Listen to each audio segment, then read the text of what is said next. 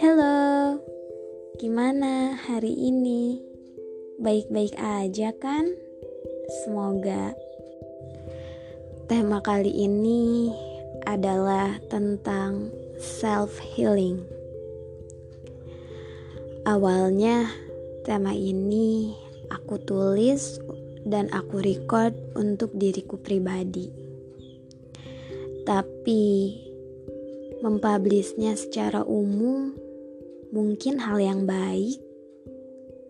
Semoga aja bisa membantu dan memotivasi kalian yang ada di fase ini. Self healing. Proses penyembuhan diri dari luka batin. Iya, luka batin semacam trauma yang kita rasa sangat menyakitkan, yang kita alami di masa lalu. Hal yang membuat emosi kita terganggu dan merasa tertekan. Menurutku, self healing yang paling baik adalah berdamai dengan diri sendiri. Sangat susah, bukan? Tapi inilah langkah besar yang harus kita ambil. Kalau emang kita benar-benar mau sembuhin diri kita sendiri. Berdamai dengan diri sendiri. Dengan memaafkan kesalahan di masa lalu baik kesalahan dari teman, sahabat, pacar, orang terdekat kita, sampai diri kita sendiri. Dengan memaafkan, kita akan merasa damai. Berhenti untuk mengingat kesalahan yang orang buat pada diri kita dan mulai menikmati kehidupan real life yang sepenuhnya. Kalau terlalu sulit untuk berdamai dengan diri sendiri,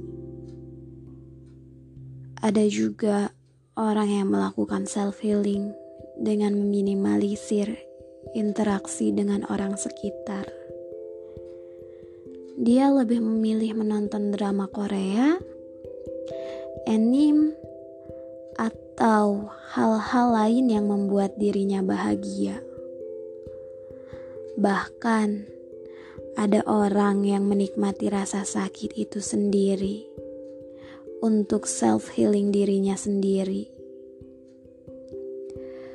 Menurutku, dia menikmati rasa sakit itu agar bisa menjadi lebih kuat, agar dia siap dan tidak mudah merasa sakit untuk beberapa hal yang menyakitkan lainnya. Untuk beberapa hal sakit yang menunggunya setelah ini, gak apa-apa. Cara self healing semua orang kan beda-beda, tapi Tujuannya buat memahami diri sendiri, buat mengerti arti dirinya sendiri, buat nerima ketidaksempurnaan, keinsecurean, bahkan membandingkan dengan orang lain.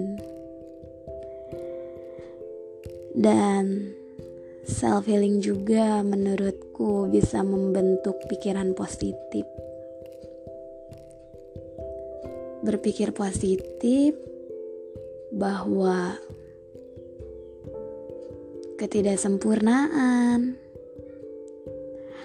atau perbedaan diri sendiri adalah hal yang terbaik yang kita miliki dalam diri kita sendiri.